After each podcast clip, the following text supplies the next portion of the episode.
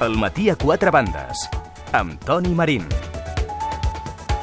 Les 10 i 6 minuts, aquí seguim, a Ràdio 4, al matí a quatre bandes, entenent que, efectivament, ha estat una xerrada interessantíssima amb el senyor Jordi eh, Baquer. Ara toca passar plana i parlar d'altres històries.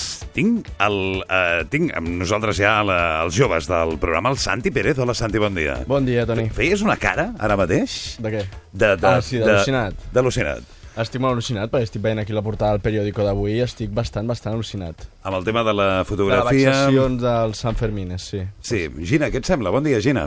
Eh, bon dia. A mi em sembla una barbaritat. Ja ho he estat sentint aquests dies, que per les xarxes socials hi ha hagut bastanta polèmica, perquè, clar, pot semblar que... Um, o sigui, la línia vermella és molt fina. Fins Ja. a quin punt la noia ho està gaudint o fins a quin punt es pot considerar agressió sexual, no? És un tema molt, molt polèmic que jo crec que reflexa molt bé la crisi de valors que vivim actualment. Eh, Dani Garcia, què tal? Bon dia, Dani. Bon dia. Eh, tu ja t'havies fixat també en aquesta Sí, història, no? ho havia vist també per les xarxes socials i realment... Bueno, i després també una, un, una companya m'ho va comentar, diu, t'has assabentat d'això que ha passat als Sant Fermins? I jo, bueno, que hi ha toros, no? Diu, no. El tema aquest d'assetjament sexual uh, quan hi ha multituds, no? Uh -huh. I això també em va fer, fer la reflexió de que això també s'està donant a Egipte. Egipte, a la, plata, a la És plaça curiós, Taksim, és curiós, perquè aquesta mateixa reflexió la feia aquest matí l'Andreu Mallaio aquí al programa. No, doncs, Sí, sí, vull dir, també allà, vull dir, s'està utilitzant eh, la coacció sexual a les dones, estem parlant de violacions, també, doncs, per fer una mica de lluita de... Bueno, no sé, realment eh, és molt preocupant, no?, uh -huh. que, aquests, aquest, aquests valors. Ja. Antonio Alcalde, bon dia, Antonio. Bon dia. És impressionant veure com eh, gent jove eh, cau en pràctiques com aquestes, no? La veritat és que sí, sembla més eh, conductes animals que conductes de persones racionals, eh, realment. A més, també em va sobtar, a banda de, de totes aquestes vexacions que hi ha hagut als Sant Fermins, també sabeu que una reportera, em sembla que era de Televisió Espanyola, d'aquesta casa, Uh -huh. que també estava als Sant Fermines, i va venir un noi i va, bueno, li va fer un petó a la boca així, sense, Ah, sí? Sí, sí, sí, sense el seu consentiment enmig de, del directe. No? I es veu que, a, a més, el reporter que estava a Madrid, em sembla, li va dir hombre, no vayas provocando a los chavales. Que A so- fort. A sobre, és, en comptes de defensar-la o de pensar, ostres, quina mala educació, no? fer-li un petó a la boca sense el seu consentiment, a sobre cachondeo, no? Però és, és com si estiguéssim anant enrere, no? És com una sí, aquest, involució... co aquest comentari em sembla un comentari supermasclista. Ho és, ho és. Sense cap mena de dubte. La cara del Sandy és... Eh... I és que al·lucino perquè no, no tinc, no tinc ex explicació, no sé si és portat per la, per la situació d'així de- d'extrem alcoholitzament o de la festa, però trobo que és algo bastant, bastant al·lucinant. Que- No tinc, no, tinc, no tinc paraules, quasi. Clar, però fins quin punt ha d'estar molt en un ambient d'aquests de, doncs de desfase i que has begut molt, però fins a quin punt arribes a aquest extrem que aquestes fotos demostren? Sobretot- fins, fins a quin punt estàs allà permetent que això passi? La pèrdua de respecte, que això significa Molt, respecte a molt les altres clar. persones, no? És a dir, com en un moment donat tens, no sé, la, la història de... És que el que es veu al periòdico és un munt de mans tocant-li el pit a una noia, per exemple, mentre uns altres li baixen els pantalons. És una cosa bastant, bastant horrible, francament, No, no? no, de, de fet jo penso que és molt la, la conducta de grup, no? Quan la gent està en un grup, jo penso que tothom embogeix, no? Un comença i la resta com que sembla que hi ha una impunitat perquè no ets tu, sinó que són tots, tots els altres, doncs la gent s'anima. Jo, de Ja. fet, me'n recordo, en el Mundial, quan vam estar a plaça Espanya, que la gent estava celebrant la Copa, bueno, la Copa del Món, que la majoritàriament eren, eren nois, no?, els que érem allà celebrant-ho, però també hi havia noies. I me recordo que hi havia noies i la gent els hi cantava Rubia Coqueta ensenyant-nos les, les tetes, no? per dir-ho així. I clar, era una mica, doncs, la, les noies no volien, no? i estaven, doncs, cohibides, no? Jo penso que s'ha d'acabar amb, aquestes, amb aquestes pràctiques, no? I veure joves que estaven celebrant el Mundial cantant això, altres noies, realment era, era trist, no? Torna al masclisme, bé, si és que alguna vegada se n'ha anat. Si alguna vegada s'ha anat, això és el que... Exacte, no? Aquesta és la història. En fi, les 10 i 10 minuts. Em, eh, tenim temes, tenim temes. Hi ha, hi ha, hi ha unes declaracions avui. Eh, heu sentit a Guardiola, no? Eh, Heu sentit a Guardiola les coses que deia, no? Ells simplement els hi vaig dir, si us plau, deixeu-me fer. Me'n vaig a viure amb la meva família, a aprendre si puc l'anglès, i en comptes de l'anglès el que he intentat aprendre és una mica l'alemà. És l'únic que m'he dedicat durant tot, tot aquest temps. L'únic que els hi demano és això, que es queixin el seu camí i que a mi em deixin. I deixin d'utilitzar les meves amistats o la meva gent per fer-me mal. Dir, si vull anar a sopar amb el Johan Cruyff, vaig a sopar amb el Johan Cruyff. Utilitzar la malaltia d'en Tito Vilanova per fer-me mal, això, això no ho oblidaré mai. Perquè jo el Tito Vilanova l'he vist a Nova York. I si no l'he vist més ha sigut perquè no ha sigut possible, però no per part meva. I justificar que jo no vull que li vagin bé les coses a un company que he tingut durant tant de temps i que tant m'ha ajudat, això és de molt i molt i molt mal gust. No m'ho esperava. Doncs déu-n'hi-do, no? Eh, déu nhi Ell no s'ho esperava això i jo crec que ningú no s'esperava escoltar Guardiola amb aquests termes i Sí, amb... sí, ell que sempre ha estat tan gentleman, ara de cop ha, ha trencat el silenci. Què et sembla? Què et sembla aquest, aquest trencament de silenci, Gina? Aviam, jo, jo crec que jo no estic... mm, Jo no em posicionaré ni a un bàndol ni a l'altre perquè crec, jo sóc del Barça i com a barcelonista crec que eh, aquesta guerra i aquesta divisió que hem patit des de fa tant de temps l'únic que fa és mal, és mal al club, no? I crec que sempre el problema que hi ha és que els personalismes, eh, la, la vanitat, el, el voler ser més tu personalment, i la- l'ambició personal o de voler quedar bé davant de tot el públic sempre està fent doncs, molt mal el tema de la col·lectivitat del barcelonisme i sempre no sé realment qui té la culpa d'aquests enfrontaments, crec que segurament hi ha coses que s'han fet malament per una banda o per l'altra, però crec que aquestes declaracions no toquen, al igual que no toquen altres que s'han fet per part de l'altre bàndol, però crec que simplement doncs, són problemes personals que s'haurien de solucionar de manera a l'àmbit privat i no crear aquests mal rotllos dintre del barcelonisme perquè no, no cal. Oh, a, a mi em dóna la sensació una mica, a mi el, el que m'estranya més del, del Guardiola és que toma aquest, com aquest intermig entre respectem a la meva intimitat i després reclamar una importància molt excessiva o tan, és tan sentimental als seus discursos sempre. I a mi això el que em sembla com una mica raro, no?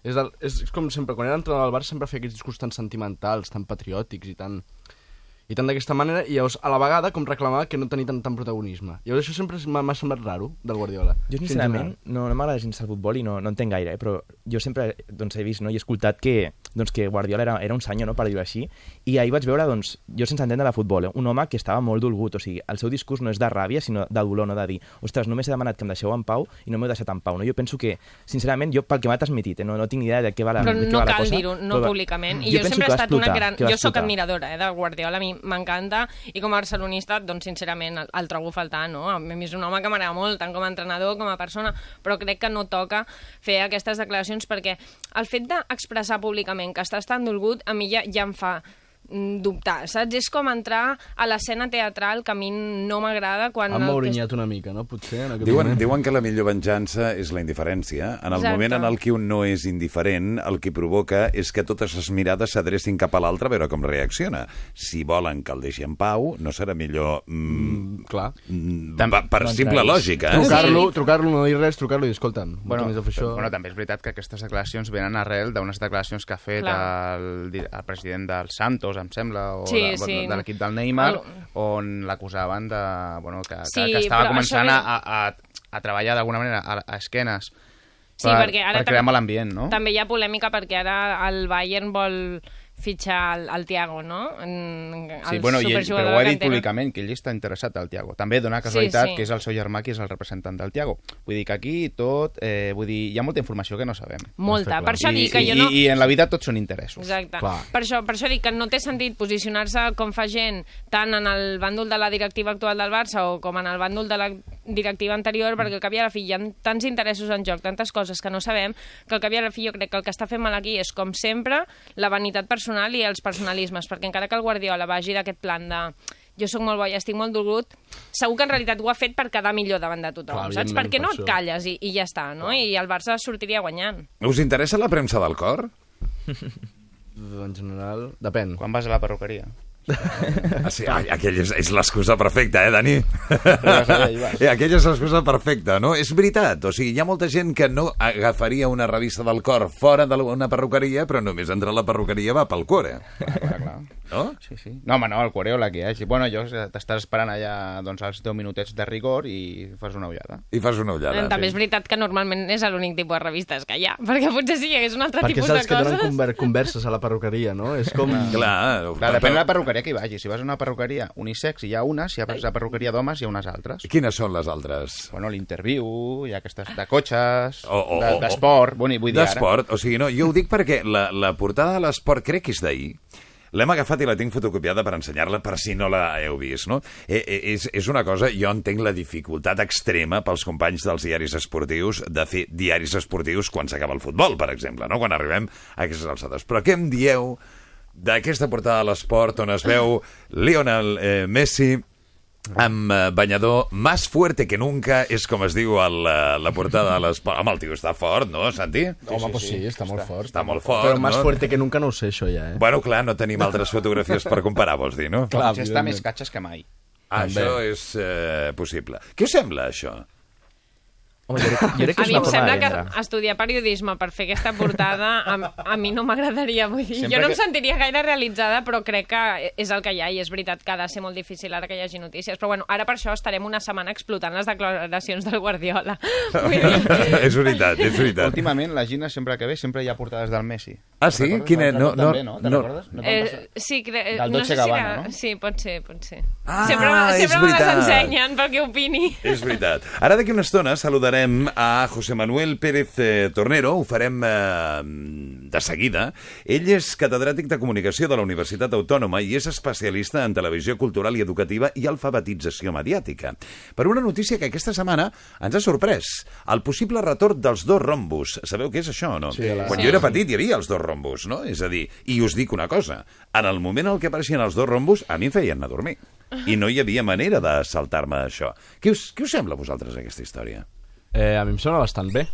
Com de la mateixa manera que, per exemple, hi han videojocs, discos que ja reclamen i regulen per quin tipus de públic, jo sempre crec que és positiu saber i tenir informació de, de què és el que veuràs, no? Ahà. I quin tipus de contingut o si és agressiu per a un cert mm, sector de, de la població o el que sigui.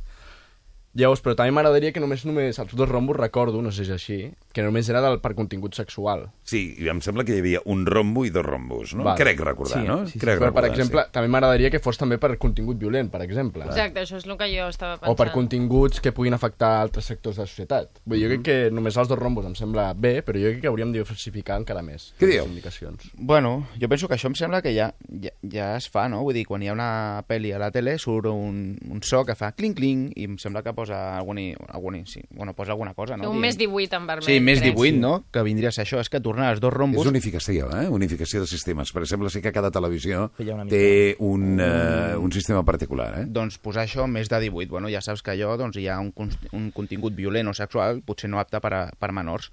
Tornar els dos rombos, jo penso que és tornar a una altra època que malauradament estem tornant mitjançant les imatges i algunes polítiques i la situació que estem vis visquent al país. Ara, d'aquí una estona, si voleu parlar d'alguna altra cosa, en podem parlar, eh? Que consta que nosaltres no és que vulguem allunyar la tertúlia del lloc, però sí que també volem parlar de coses que no hem parlat en altres moments del programa i que ens semblen interessants. Antonio, Home, digues. Jo penso que això dels dos rombos, jo crec que és bona en el sentit que sempre que sigui informal el consumidor del que està veient, jo penso que està bé, no? i més que res també pels, pels infants i tal, en tema de contingut sexual, doncs sí que va bé que almenys els pares sàpiguen que doncs, això pot ser agressiu pels nens en aquest sentit, no? però sí que és veritat que potser hauria de- d'anar-se més enllà en temes de violència o d'altres continguts que també poden ferir la sensibilitat de menors. No? I sobretot hi ha una cosa, senyor Pérez Tornero, què tal? Bon dia. Hola, bon dia. Bon Com dia. estem? Eh, el senyor José Manuel Pérez Tornero, com dèiem ara fa un moment, és catedràtic de comunicació a la UAB i és especialista en televisió cultural i educativa i alfabetització mediàtica.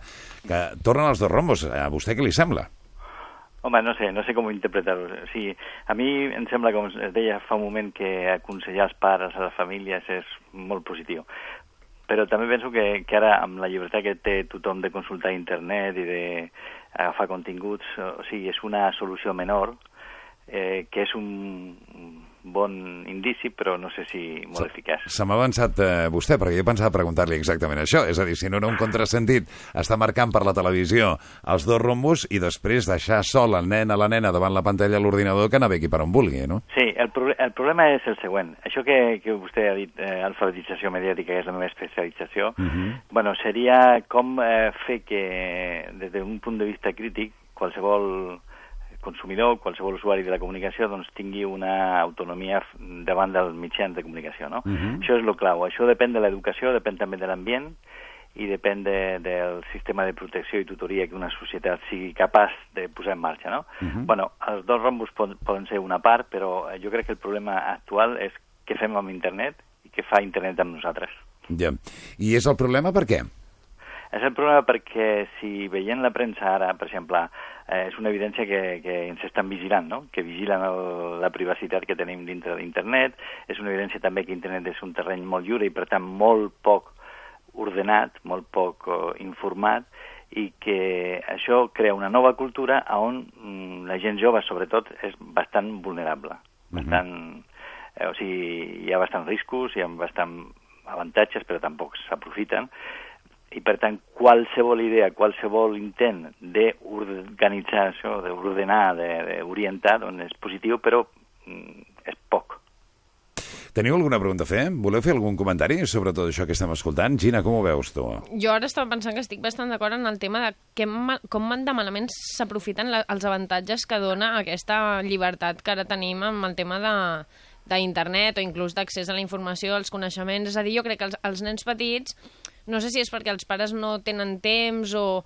O no en saben. Que, o no en saben, o requeriria realment moltíssima de- dedicació, estar pendent del nen, quins continguts eh, hi té accés, però és que crec que real, i a- a l'internet dona moltíssimes avantatges i és que no s'aprofiten. Jo crec que la majoria dels nens eh, redueixen l'ús de l'internet a jugar amb els típics jocs que no crec que aportin res a la seva educació pel futur i hem d'aprendre a aprofitar tot el potencial que això ens dona. Això és veritat, no? Hem d'aprendre, no, senyor Pérez? Hem d'aprendre-hi tots, no només, perquè vostè Exacte. ha dit una cosa molt, molt ben dit, no, els pares no saben, perquè estan davant un canvi tan radical, tan, eh, tan, o sigui, tan immediat, que el problema és que ja no, no hi ha una tradició que, amb la qual instruir els, els nens, no? És una, és un aprenentatge constant, i hem d'aprendre tots. I sobretot, Que di- no, no, i, i, anant en la seva línia, hi ha una cosa que cada vegada ho posa més difícil, no? Que és el canvi de formats. És a dir, un diu, va, apaga l'ordinador, però mm, mira la tele. Sí. Eh, després agafa la consola i finalment el telèfon mòbil. I en definitiva aquest nano està jugant exactament el mateix o està fent exactament el mateix durant 8 hores seguides canviant simplement el suport, no? Sí, i no 8 hores més. Més de El vuit pro- hores. a- El problema és que ara el, el consum de, general de- d'aquests nous mitjans és general i, i crea fins i tot a vegades una certa addicció. Ja. Addicció que fragmenta l'atenció, que, que crea una solitud molt particular, perquè és una solitud con, connectada i, i a vegades poc social, però també és veritat que dona moltes possibilitats. Jo crec que és un aprenentatge institucional fins i tot, eh? perquè què hem de canviar? Doncs la política, l'educació, els mitjans de comunicació, i estem en un moment molt nou de la història. Ha estat un plaer saludar-lo, senyor Pérez Tornero. Moltes gràcies. El plaer meu. Adéu. Gràcies, eh? Adéu. Gràcies. Adéu, bon dia. Dani, eh, ah, o Antonio, volies dir alguna cosa? Digues, No, digues. jo penso que també en el que deia té, té tota la raó en el sentit que hem d'aprendre, però jo penso que també hem d'aprendre a racionar, pel, precisament el que deia, no? que són actituds d'estar tot el dia davant de l'ordinador, davant Mhm. del telèfon mòbil o davant de la consola, doncs provoca també, jo penso que els grans problemes que estem patint a dia d'avui en el jovent, no? que són sedentarisme, falta d'esport, falta de soci- de socialització, i penso que el que s'ha d'aprendre precisament és no tant a fer un bon ús, que també, sinó també a racionar, és a dir, a saber que hi ha una estona per jugar o per estar amb el mòbil, però també una estona doncs, per sortir al carrer, per fer activitats d'esports, per fer altres tipus de- d'activitats lúdiques. No? Quin esport fas tu? Doncs jo vaig al gimnàs de tant en tant, que és el que està més, més de moda també entre el jovent, però també ara, per exemple, anar a la platja amb els amics o anar a la piscina, jo penso que són activitats que no s'han de perdre. no? Ara que parlarem una cosa, perquè jo vaig entrevistar els eh, directors d'un documental brutal sobre vigorèxia, vaig al·lucinar molt amb el que, van, amb el que ens van explicar. Dani, què t'ha semblat aquesta xerrada?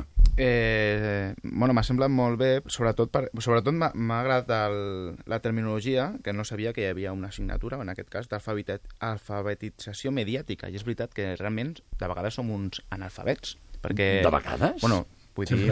No. Sí, La vull dir, sí que és veritat que Però, com la tecnologia... sí, Tu adona, adona't simplement d'una cosa, perdona'm, eh, l'incís, aquest aparell que tens aquí, el, el, el teu smartphone, Sí. Eh, quines prestacions utilitzes de l'smartphone? I quantes podries arribar a utilitzar? Ah, això sí que és veritat. O sigui, imagina't si som alfabets, no tenim ni idea el que tenim a les mans a la majoria dels casos, no? Sí, sí, la que més utilitzo és la llanterna. a la nit, no?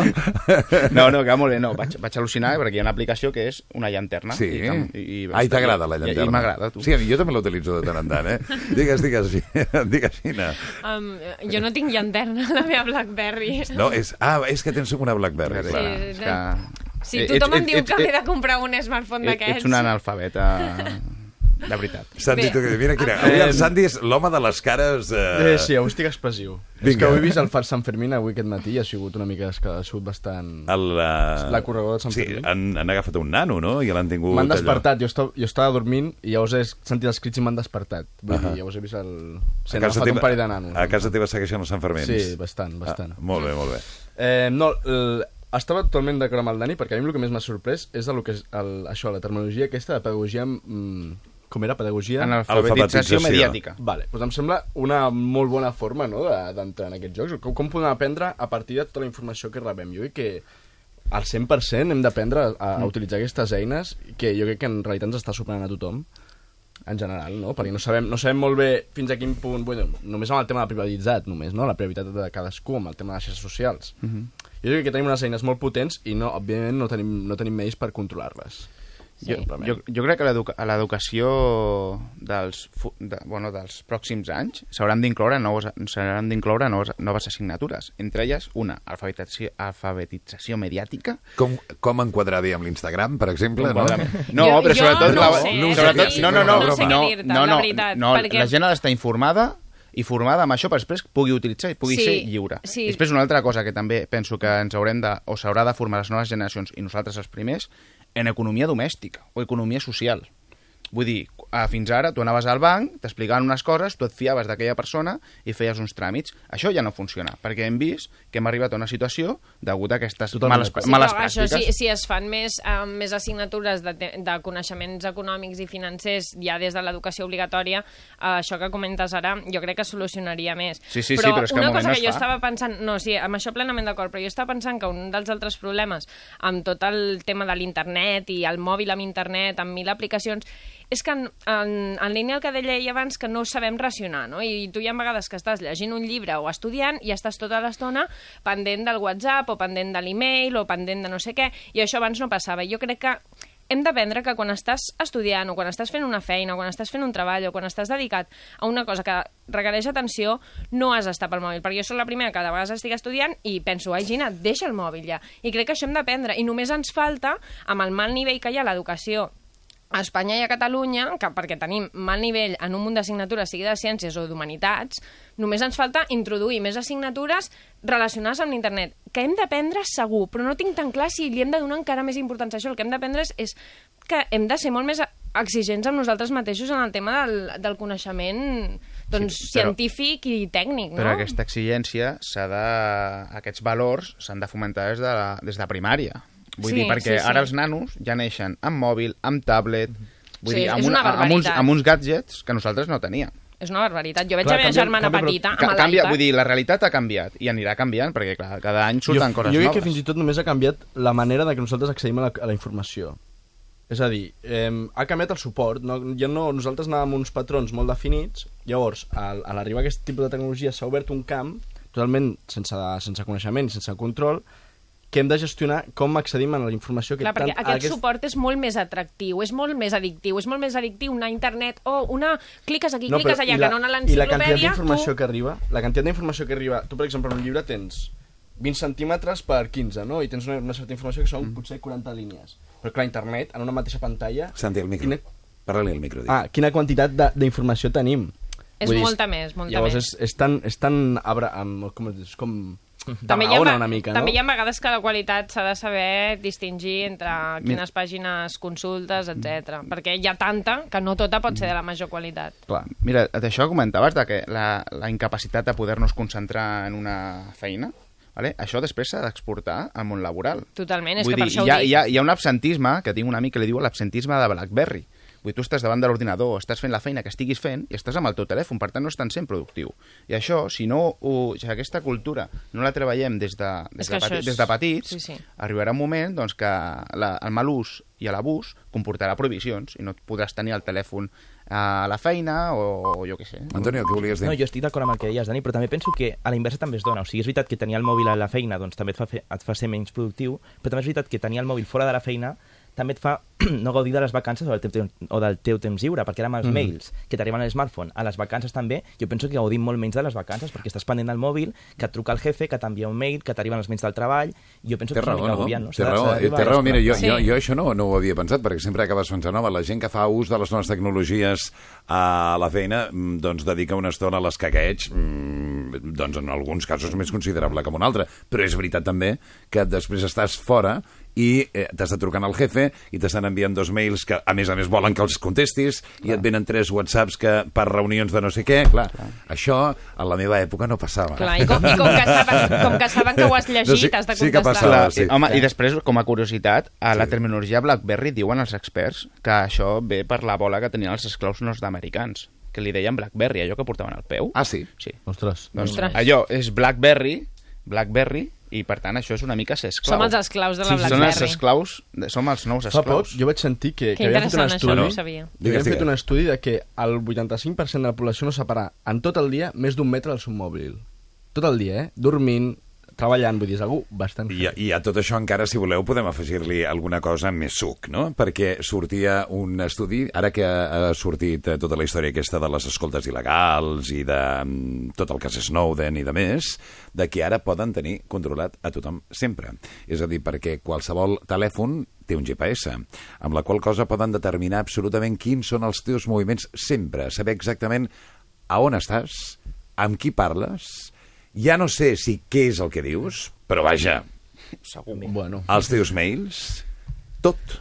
Jo penso... Digues, digues, Alineant això, que això és una mica el gran hermano, no?, que dèiem? Sí, això és una mica el gran jo penso que aquest és el problema del segle XXI, la privacitat, és a dir, no som conscients de fins a quin punt estem exposats a que el govern o qui sigui doncs, pugui espiar i, i, i controlar els nostres moviments i tot el que fem. No? Jo penso que el cas Snowden el que ha evidenciat és que això ja s'està fent, o sigui que al final una, tenim la tecnologia suficient per fer-ho i que hi ha governs i agències d'aquestes d'intel·ligència governamental doncs, que ho fan no? I, que, i que a dia d'avui estem hiperexposats a, a això. No podem desaparèixer. Tenim una, una petjada i saben tot el, de nos, tot el que ten, nosaltres tenim. Fins i tot en, en, en, en un ambient més, més rudimentari.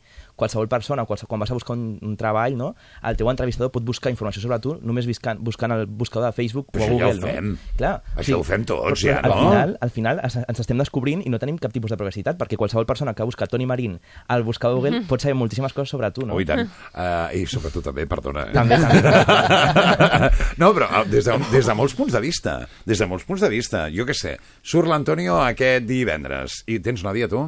Bueno, sí, sí, sí, tinc parella. Ja tens parella. Bueno, doncs, eh, diguem que... que, que qui, qui no té parella Jo. aquí? Sandy. Surt el eh, Sandy eh, avui i resulta que coneix a no sé qui i t'agrada. Quan arribis demà a casa el primer que faràs què és és? buscar-ho al Facebook. És que és això. És que és això, no? I després el Google, eh? Perquè també el Google també és un bon... Primer Però- Facebook i després Sí, Google, sí. per aquest ordre? Per aquest ordre. I si té capades les informacions, perquè sempre penses, ai, mira... No hi ha Ah, gent doncs que té el això- Facebook això- amb tota la cosa oberta, amb tota la cosa oberta, però refereixo Deixo amb, tota a la, amb tota la informació oberta, clar. pues a, mi, això. a, a mi em sembla més positiu que ho tingui més capat, fixa't. Jo A també. mi també. A mi m'agrada. Sí, sí, Sí? a mi també, estic d'acord. Dani, què dius? Jo ho tinc molt tancat i no l'utilitzo gaire, el Facebook ja. Ja no, per què? bueno, és perillós. És perillós. jo, jo tinc un amic que diu que ell no utilitza el Facebook perquè la gent penja fotos i potser es pengen fotos que ell no vol que es pengin i que, per tant, passa. Jo, jo he tingut algun problema d'aquests. Vull dir, el- foto que no vull que es pengi, la I- pengen i dic, home, com a mínim no m'etiquetis. I després, si us plau, la, la, la treus. El tema de les etiquetes hi ha molta gent que s'enfada molt, eh? Molt. Home, les sí, etiquetes, molt. eh? Home, tu estàs en el teu àmbit personal perquè després ha de sortir al Facebook de qualsevol persona. Vull dir, i no, i no estàs fent res dolent, eh? Que Vull és increïble el temps que gastem ara les, les persones en enfadar-nos o preocupar-nos d'aquests temes, perquè l'altre dia també vaig llegir una entrevista de tot el, el, els mal rotllos i, i malestar i preocupacions que crea el tema del, del WhatsApp i del Facebook, de veure quan l'altre ha llegit el teu missatge. És a dir, ara mateix estem Sí, sí, sí. en un moment que la gent dedica tants minuts de la seva vida a enfadar-se i a preocupar-se i ho ha llegit o m'ha etiquetat o etiqueta'm en això, no m'has etiquetat ens enfadem per unes tonteries que en realitat eh, és important però mm, ho reduïm a un nivell que no és important L'altre Doncs dia, dir, l'altre dia parlava amb una amiga que em deia estic preocupada, em deia ella, eh, perquè eh, abans anàvem al metro i anava eh, llegint. I ara he passat de llegir a revisar mails, mirar Instagram, etc etc. I, I després, de, a més a més, veníem d'una conversa molt curiosa de eh, el, veïns i veïnes tafaners eh, i la gent que controla els demés. I clar, efectivament, era una postura com molt contrària a, al veí del replà que mira, perquè jo no sé vosaltres, però sem sempre hi ha algú, no? Eh, mm. Però, en definitiva, no ens hem tornat uns tafaners de la tecnologia. Molt, molt, molt, O sigui, molt. no és, eh, Facebook no s'ha convertit en una mena de pati de veïns Sí. dels nostres amics o coneguts i volem saber si ha arribat tard, si amb qui ha anat, qui era aquella... Saps una mica? Sí, és una eina que ha donat sortida a la vena més tafanera que tenim tots els humans, perquè la tenim en major o menor mesura, tots la tenim, doncs aquesta l'ha explotat allà fins al nivell màxim per veure inclús una persona que en realitat no t'importa gens, que va a la teva classe i vull dir, ni, fu, ni fa, l'acabes espiant quan no t'importa, saps? Vull dir que dius... Vols parar? Sí, sí. M'imagino la Gina sola a casa. No puc evitar-ho.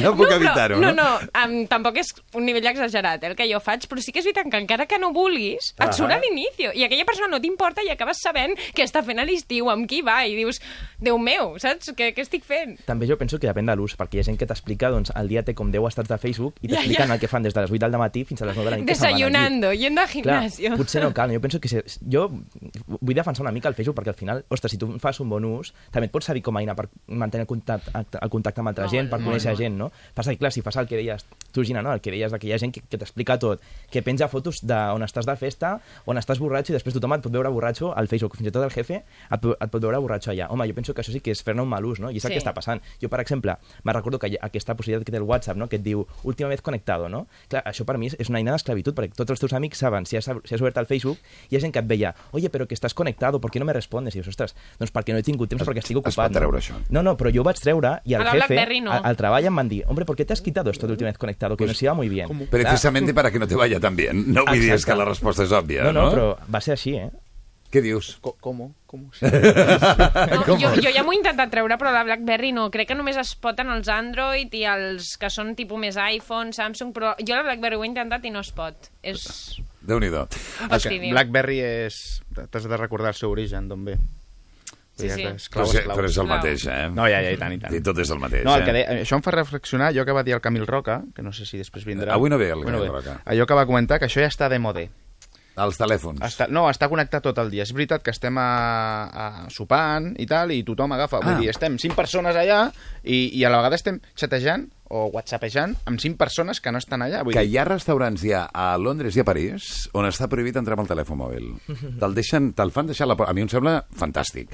Te'l fan deixar a la porta. I tot això, l'altre dia en parlàvem amb el doctor Tomàs, que és un psiquiatre, que és col·laborador del programa, eh, perquè hi havia una caixera d'un supermercat que es va negar a cobrar una senyora perquè està parlant pel mòbil. I va dir, senyora, si fins que no pengi jo no la tenc. És fantàstica, no? clar. És que estem tornant una mica doncs, a aquesta situació. És que és, és molt... Vull dir, és com una falta de respecte, no? Que estàs allà davant de la caixera del supermercat que t'està atenent que és la seva feina i ho fa amb tota la seva bona voluntat, i tu allà amb el telèfon parlant amb no sé qui, home, doncs t'esperes, quan acabis, doncs continues, no? No sé. I si estàs sopant amb cinc persones, has de A, tenir a respecte tu, amb aquelles a cinc tu persones. voldria veure't jo en determinats moments. Determinats moments que vols dir. Quan pagues al súper, si parles o no parles pel mòbil. No, no, no, no, jo... No? No, no, no, no. no. Uh, quan, home, si estic amb una altra persona, no... Jo he de reconèixer que a mi em fa bastant de ràbia això, eh? I és veritat que a vegades tu mateix et sents obligat a agafar una trucada. I, des, Què i, des, no? I després tinc un altre problema, A veure... que és que jo sóc, vull dir, mm, sóc molt meu i no m'agrada parlar quan hi ha molta gent. Perquè ets tímid.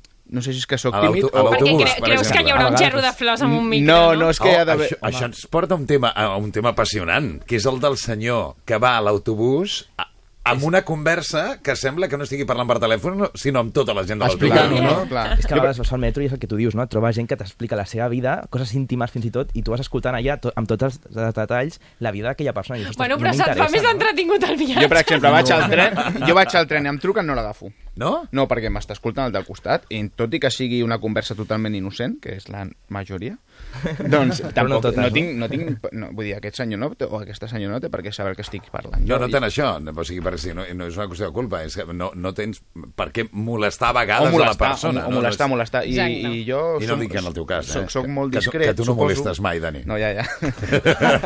soc molt discret, suposo, i no, i no m'agrada. I, no, I no eh, faig mai. Què anaves a dir, Santi? Ostres, jo anava a dir que, relacionat amb tot això, vaig, vaig estar a Nova York al, al gener i vaig trobar espais molt curiosos que eren espais on no havia cap tipus de xarxa que et podies connectar amb internet. I llavors havia, veies executivos d'aquests de, de la downtown de Manhattan sentats allà, superrelaxats, amb el mòbil que no podien rebre absolutament res. O sigui, Ostres. espais només sense ni wifi ni, ni xarxa. A Osca en teniu d'espais com aquests, Jaume, o no? Moment, que estic parlant per telèfon. Ah, vale. Sí. No. Tot, tot a Òscar. No, ara no... Sí. Sí. No, però les, les, les olives no. No que, es- saps que estornudo jo quan menjo aquestes olives. Molt bé, vale. Et deixo, eh, que tinc... No, és que... Bueno, no, poden esperar, poden esperar. Sí. Vale, vale. Vale, t'estimo jo també, sí, gràcies. Sí que... De, que Tenies una conversa interessantíssima. què? Les olives et fan estornudar? Les, les arbequines sí. Saps que, saps que ahir, ai, ara que és una llàstima. Com ho saps tu, això de les olives? No, per una intuïció. Ah. Eh, sortia eh, eh, un estudi que han fet, jo no sé qui fa aquests estudis, però que eh, no tothom estornuda de la mateixa manera, que en funció de l'idioma amb el que parlis, dius achís, achum, hi havia els xinesos que crec que era catachum, era una cosa estranya. doncs hi ha vegades que dic atxís i hi ha vegades que dic atxum, eh? Sí, Vull dir, perquè tu ets molt poliglota. Exacte. No, o sigui que jo t'he vist a Londres amb una foto fantàstica fa un Sí, parell de sí. dies, no? Sí, sí, Acabes de sí. tornar a Londres, no? Sí, sí, d'aquí poc hi torno a anar. Què, no, hi- no hi ha turisme, no? Negocis. negocis. Molt. No hi ha turisme, no? Espanyols no, no se'n veuen a Londres. Sí, sí que se'n veuen, sí que se'n veuen. Jo crec que se'n veuen més espanyols a Londres que, que anglesos. que espanyols en, en tindrem molta crisi, però sempre te'n trobes a tot arreu. Vull dir, vagis on vagis, mm, crec que ens agrada molt viatjar perquè sempre, sempre te'n trobes. I després a l'agost me'n vaig dos mesos a Oslo a treballar, Què a Noruega. dius? Enhorabona. A passar calor, a passar calor, sí, sí. Ah, però que xulo, no? Què vas a fer? Sí, sí. Bueno, consultoria. Ah, molt bé, molt bé. A molt agafar experiència una mica. bé. Que xulo. Que Sí, xulo, sí. no? Negocis, Que bé. negocis. Com, com, eh, com l'altre dia li deia al rei eh, als eh, joves becats no sabeu quina enveja em feu, i jo crec que ho deia absolutament de veritat, no? Perquè aquesta edat de, de poder fer coses, no? De, no, Jaume? Que, que, que és fantàstic, de dir, ara se'n va dos mesos a Noruega, és una cosa que ja, tu ja, que ets pare de família, tu ja no pots fer aquestes coses. No, però és que ja aviat serà la norma, eh? O sigui, aviat serà més fàcil trobar un espanyol a Oslo que no pas a Espanya. Per què ho dius, això? No per res. Tu mira al teu voltant i ja veuràs. Mira, el Santi, la Gina, l'Antonio, el Dani, no? Sí, sí. Si vols tenir un futur, segur que en el nostre país ho tens més magre que fora. Bueno, ja, ja canviaran les coses, també. Acabaran Sí. canviant, no? Ah, ah, sí? sí? No? O sigui, l'altre dia llegia una frase de Proust, però la vaig llegir al Facebook, eh? No estava llegint cap... eh, No, no em, em va fer molta, molta gràcia i em va agradar, no? Que deia que sovint acabem eh, pensant que el present dura tota la vida. I, I no és veritat. Y que tiempos pasados siempre fueron mejores, Clar. quan tampoc és cert. Bueno, hi ha alguns tiempos passados que en algunes coses eren una mica millors i hi ha Sí, tiempos però- más però- que, de, Clar, però sempre no. és un terme mig. Jo ja, ja després em callo, però és que volia dir que ahir vaig estar a sopant amb unes amigues i just vaig pensar que ho volia dir avui, que són un pis de, de noies, que són quatre, i les quatre estan aquest estiu treballant aquí a Barcelona, que sí, no és la feina de la seva vida i no és un gran salari, però estan les quatre currant, que s'aixequen cada dia de tot l'estiu a les 7 del matí per anar a currar, i vaig pensar, Eh, doncs mira, si potser tens mala sort, però si tu busques, tu busques amb tot el teu ànim, acabes trobant alguna cosa, saps? Encara que sigui una mica precari, però vull dir que no tot és tan dolent i que la gent s'ho penca, en realitat, i que hi ha molts joves que estaran tot l'estiu currant Oh, i i no tot és I tant. un desastre. I tant, i tant. Jaume, al Digui'm. cinema, com tenim el cinema? Fatal. Vale, gràcies. Fins la De setmana res. vinent. Adéu. Adéu, bon dia. Va, i seguim parlant. No. Bueno, va, per què està tan malament? Perquè es fan pel·lícules que... A mi m'agrada el cinema, per això no hi vaig. Ja. Eh? O sigui, aquesta és la... Però ja posats a triar, hem triat alguna, alguna notícia que sembla interessant. Per exemple... Això és supercalifragilístico espialidoso. Sí, No? A veure, a veure, escolta.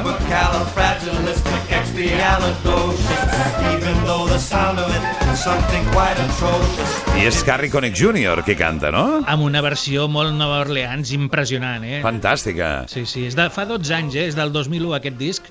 És que Harry Eh. Connick Jr. està molt bé, eh? Sí, sí, sí. Aquest Ara. disc és sobretot és molt, molt recomanable perquè ja comença així, imagina't. Són can uh, songs I, I've heard, eh? cançons que he escoltat, Sí. Mm, cançons, moltes d'elles lligades a pel·lícules infantils eh, de, de, de les que va veure Harry Connick Jr. quan era un nen. Ja. Doncs això té re, molt a veure amb eh, el tema de la pel·lícula. La pel·lícula és Saving Mr. Banks, és una pel·lícula protagonitzada per Tom Hanks i per Emma Thompson, en el qual Tom Hanks fa de Walt Disney, Ahà. eh, el senyor Walt Disney, l'home que té més Oscars, i que no crec que l'enxampin perquè té 50 i pico, i Emma Thompson, que fa el paper de P.L. Travers. Qui Ahà. és P.L. Travers? És l'escriptora que eh, va escriure els llibres de Mary Poppins. Ahà. I com Tom Hanks intenta convèncer-la per finalment fer la pel·lícula de Mary Poppins, que va trigar molts anys eh, perquè li cedís els drets. Total, després fan la pel·lícula, a ella no li va agradar gens com va quedar la pel·lícula i no van fer més adaptacions de, de, de novel·les o de llibres de la Mary Poppins perquè ella va quedar molt Ja, poc satisfeta del resultat. ja, pobreta. i aquesta és la història que explicarà Saving Mr. Banks, una pel·lícula que pinta molt i molt bé. El, el Víctor m'ha enviat la, la notícia dels estornuts. És divertida. Diu, eh, a veure, els anglesos fan atxú. D'acord? Això fixeu-vos. atxú. Ara, ara que tornes a Londres, tu ves eh, escoltant. Els alemanys fan hachi.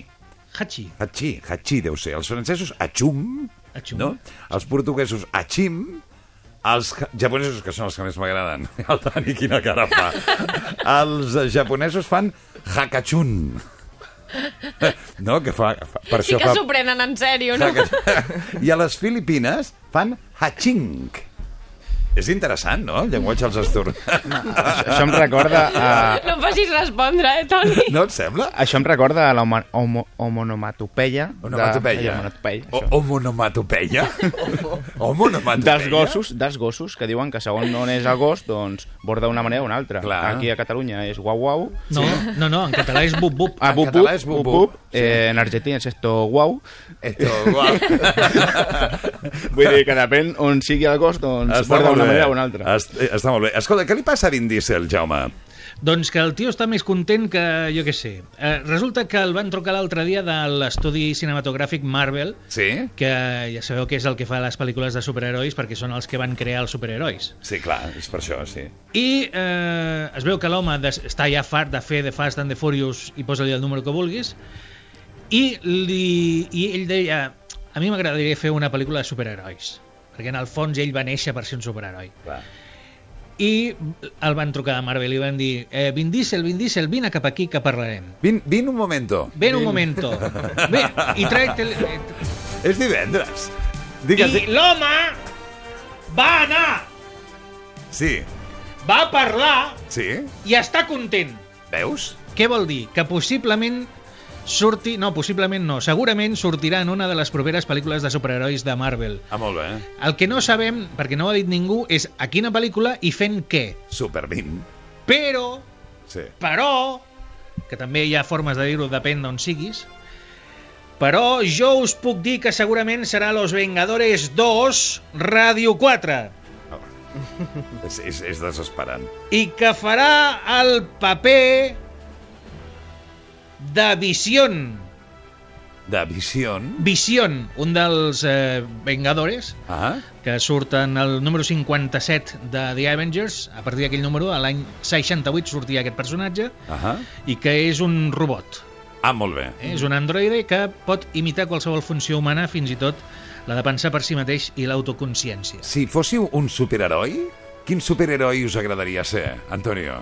Jo, invisibilitat. Sí, vaja, com tots, no? espera, espera, per fer què?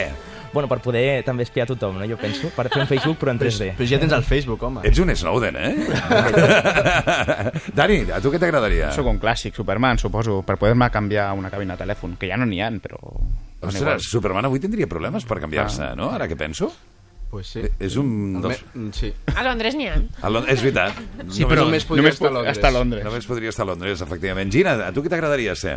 Aviam, jo la veritat és que tampoc sóc gran experta en el tema superherois, perquè mai els he seguit massa, sincerament. Però el que li tinc més carinyo és el de Spider-Man. Ah, molt bé. És el que més m'ha enganxat. Ah, està molt bé. Mai, mai millor dit, no? Sí, sí, Mai millor dit. exacte. I això de volar i tirar les telaranyes i penjar-te, sí. Està això, molt bé. Està bé, està bé. què, què et passa, Dani? Què et passa? No, res, res, després t'ho explico. Ah, molt bé, molt bé. Eh, Santi, Jo Spiderman, saps per què? per què? Per volar per sobre els edificis. Això sí que es diu. Però això també ho feia Superman. Clar. Però és com més entretingut, I no amb una tela d'aranya. Clar. Però Superman és com sempre igual, no? I Spiderman va canviant. Jaume, i a tu quin, Exacte. su quin superheroi t'agradaria ser? jo tinc 30 anys de col·lecció de còmics de Spider-Man. Ah, o sigui, tu també és Vull Spiderman. que la meva tria ja està feta fa 30 anys. A mi m'agradaria ser Neo. Sí, però no és un superheroi. Home, com que no? De fet, és virtual. O sigui, No, és però- un sí, super no, clar, els altres són de carn i os i van néixer a la superres. Barceloneta, no? És una patranya! Que no és una... I, I la resta què? La resta són reals. Spider-Man és de carn i ossos. Sí, va néixer a Detroit, no? No, és de Nova York. Bueno, és igual. Bueno, va. Eh, més notícies. A veure, hi ha una pel·lícula del director gallec, mai millor dit, Gonzalo López Gallego, es diu així, sí, que pinta molt bé. Aquest bon home eh, és el director del Rei de la Muntanya i Sí. una pel·lícula que encara no s'ha estrenat aquí a Espanya, que és Apolo 18, Mhm. eh, però que es va estrenar als Estats Units i bé, crítiques així una miqueta d'allò. I eh, eh, ja està disponible, es pot veure, però només en italià de moment, Open Grave, el tràiler de Open Grave. Tomba oberta és el Ja. títol d'aquesta pel·lícula. Ahà. La, la trama argumental mm, és molt interessant. Imagineu-vos. Comença la pel·lícula que hi ha un senyor, un home, que desperta en una fosa comú, envoltat de cadàvers, en avançat estat de descomposició. Així comença la pel·lícula. I ell no sap com ha arribat fins allí. Ja veus. Ni encara menys qui és el responsable de totes aquelles morts. Però tot el que l'envolta el porten a sospitar que ell és el culpable de tot plegat. Així comença la pel·lícula. Vaja. La música és fantàstica, eh? Això és Vangelis, és de la banda sonora de La Plaga. Àngel, podem... Àngel, espera un moment. Podem pujar una miqueta la música? Perquè és que és fantàstica. Mira, mira, mira.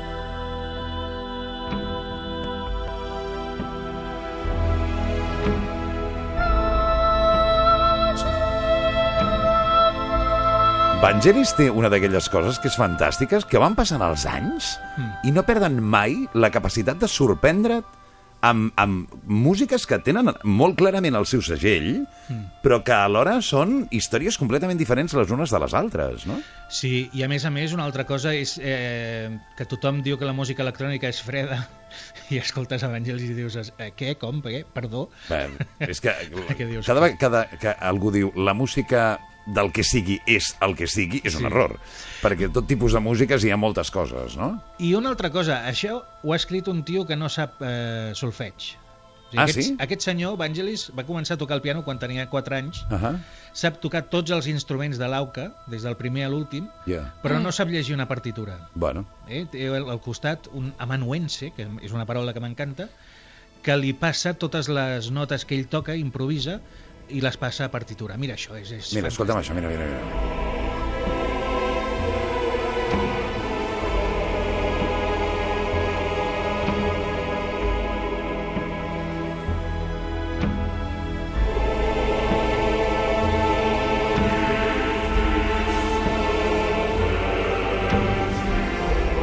Però és la banda sonora de la, de la peli, No, aquesta? és, és una pel·lícula de fa 20 anys o una cosa així, es titula La plaga. Ah, La banda sonora no està editada, només està editat aquest tema. que bona és, eh? Igual que una altra banda sonora d'Evangelis brutal, que és Lunes de Hiel, que tampoc està editada i només ja ha editat un, un sol tema. Uh -huh. Eh, Evangelis ja ho té això, eh, que té moltes bandes sonores molt bones, però que el disc no ha sortit Bueno, per problemes de distribució o de eh, permisos amb les eh, segis discogràfics, històries rares. bueno, en qualsevol cas és fàcil trobar-ho per internet ara, això, no? Sí, ara sí. Veus? I d'una banda sonora brutal a una altra també brutal. A veure...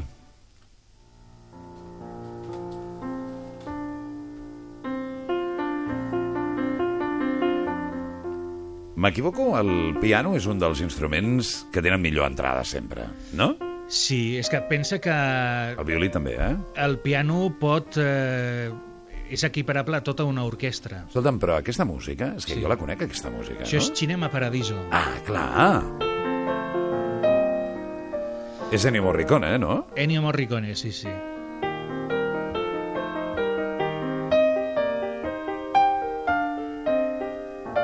He triat aquesta banda sonora per parlar de la mort de Jesús Robles, Ah, que sí. possiblement molta gent no el conegui, però els cinèfils i, i els cinèfags el coneixem, vaja, eh, perquè és pràcticament una institució no només a nivell d'Espanya, Uh -huh. sinó pràcticament de tota la zona de parla en castellà.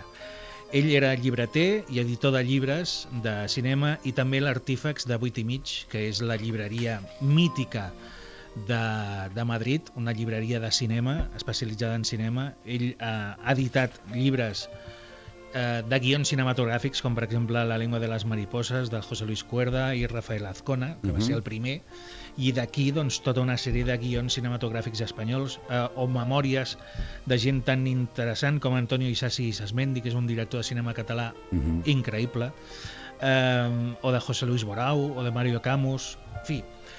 Ell va aconseguir fer de la seva afició una forma de viure, però també una forma de tenir cura d'una cosa tan volàtil com és el cinema, com es pot veure en aquests dies que estem vivint, no?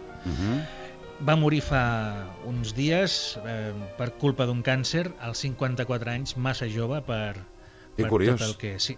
Saps, saps per què penso que és curiós? Per què? Perquè també és la mateixa edat amb la que mor Concha García Campoy. També massa jove, no? Sí, massa jove. Jo ho deia l'altre dia, quan, quan començava el programa, eh, eh, a, banda, a banda de qualsevol altra consideració, a mi la Concha García Campoy em semblava una professional brutalment bona, no? I ell, jo la conec personalment, però també transmetia aquest bon rotllo, no?, de, de, de tia guai, no? Sí. Però dius, massa jove, no? 54 anys, massa jove, no? En fi, perdó. Sí. No, Digues, no, no, és cert, és que veus, eh, hi ha persones que no han fet, eh, que, o que han fet el mal i que moren amb 90 i pico d'anys i dius, no calia, tampoc. Bé. Aquesta és una conversa de, de, de llar de foc a casa, sí. eh? O sigui que... Sí, sí que A més, amb la música sí. de fons La música, dona aquesta molt. música me l'he pre- me l'he apuntat, mira, fantàstic. Ennio Morricone, Cinema Paradiso, feia molt de temps que no, que no l'escoltàvem. Escolta'm, hi ha estrenes aquesta setmana, Jaume, o què? Mm, Interessants, eh, a veure, hi ha estrenes multitudinàries, sí, però interessants, interessants, interessants. La única és una pel·li noruega que es diu Perdidos en la nieve. Aquesta li interessarà a la Gina. Hauré de veure, sí. Sí. És una pel·lícula ambientada a la Segona Guerra Mundial, basada en fets reals. Ah, Una sèrie d'aviadors de diferents països tenen cauen amb els seus avions a, a Noruega, enmig de la neu, i queden allà perduts. I s'han d'unir, tot i ser enemics, per poder sobreviure. ja. És una d'aquelles històries que dius, ostres, eh, és la humanitas grega, no? Ja. La, la ironia de la humanitat. Sí, estem fent una guerra, però si vull sobreviure, m'he d'unir al meu enemic. Ja veus. Eh, quina nota li poses? Un sis i mig. Un sis i mig. Eh, veus, aquesta música... Hauríem de fer la secció sempre amb aquesta música, perquè tranquil·litza. Saps aquests atacs que et donen de tant en tant? A mi? Sí. Jo, jo sóc el tio més tranquil del món. Ja, però aquests atacs es veuen així com més suavitzats, Mm. no? Sí, no, ho sé. no ho sé, estava escrivint un WhatsApp, no, no t'estava... Ah, molt bé. Escolteu-me, no hem parlat de Lluís Bárcenas. Jo no sé si algú de vosaltres venia amb ganes de dir alguna cosa sobre Lluís Bárcenas o no. Ho dic perquè el... eh, L'Antonio, l'Antonio sembla que sí. Tu, tu, volies... tu volies dir alguna cosa sobre Lluís Bárcenas Jo, o no, Antonio? cosa, eh? Sincerament, que, que és un delinqüent i que, que el facin el que l'hagin de fer, però per via judicial. Jo, el que- el que sí que em preocupa més aviat és que sigui el centre polític, no? en el sentit de que una cosa que s'ha de portar per la via judicial no? i que ha de, carre, que ha de caure tot el pes de la llei sobre ell, doncs a vegades es porti al centre de la política no? i que se li doni tanta credibilitat una persona que ha enganyat i que ha estafat no? i que com a mínim ja té un delicte segur, no? que haver estafat ara a l'hisenda pública. No? Ja. Algú més vol dir alguna cosa? Bueno, que se li dona rellevància pública perquè va ser el tesorer d'un partit polític. Clar, és vull que- dir, eh, vull dir Eh, eh. i, sempre, i sempre preservant la, la presumpció d'innocència, eh? Clar, vull dir, perquè això de delinqüent encara no està jutjat i s'hauria de veure si era l'únic delinqüent, també. Ja. Clar, és que si entrem a- ara ja a discutir en això, No, no, no, no. Jo, jo... ens calentarem és que, tots. i... Sabeu què passa? Eh, que amb, amb vosaltres no és un problema, és fantàstic. Eh, amb vosaltres es pot parlar de tot. Sí, I, es sí. pot, i, i, I això és fantàstic, no? I aleshores jo tinc com el compromís de que vosaltres, i sempre ho dic, que pugueu posar els temes que vulgueu al damunt la taula, però també és cert, imagino que ho enteneu, que nosaltres portem moltes hores de ràdio durant tota la setmana parlant de moltes coses, i a mi m'agrada tenir la, la visió de la gent jove al programa també sobre altres Clar. eh, històries, no? Però si vosaltres veniu al programa i veieu que no surt un tema de... Xxt, com ha dit la, la Gina amb les seves amigues a l'apartament que tenen feina totes. Doncs eh, això, que ho voleu posar al damunt la taula, doncs sense cap problema. Us quedeu una estona més? Ara hi haurà el Carlos Latre. Ostres, és que jo, no, jo no puc, Ui. sap greu. Però Ai, ai. em quedaria amb el No, no, cap problema, cap problema, eh? Ara Com- se podem saludar a la porta, com a mínim. No, no, no, no, no, no, perquè no, estarà via RDC. O sigui que no. Ai, us quedareu sense escoltar el Carlos Latre.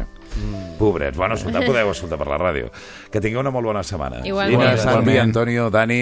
Eh, com et deies tu, Jaume? Jaume. No, no, no, ara ja no, eh? Eh, Com et dius ara? Ara em dic Manel, Manel? sí, Per què? Perquè actuen avui al Pirineu Sur. Ah, molt bé, doncs que tu passes molt bé al Pirineu Sud. Una abraçada, Jaume. Fins de la setmana vinent. Fins la setmana vinent, les notícies de les 11. Sí que ens senta bé aquesta música, no? Tornem de seguida. Fins ara. Adéu.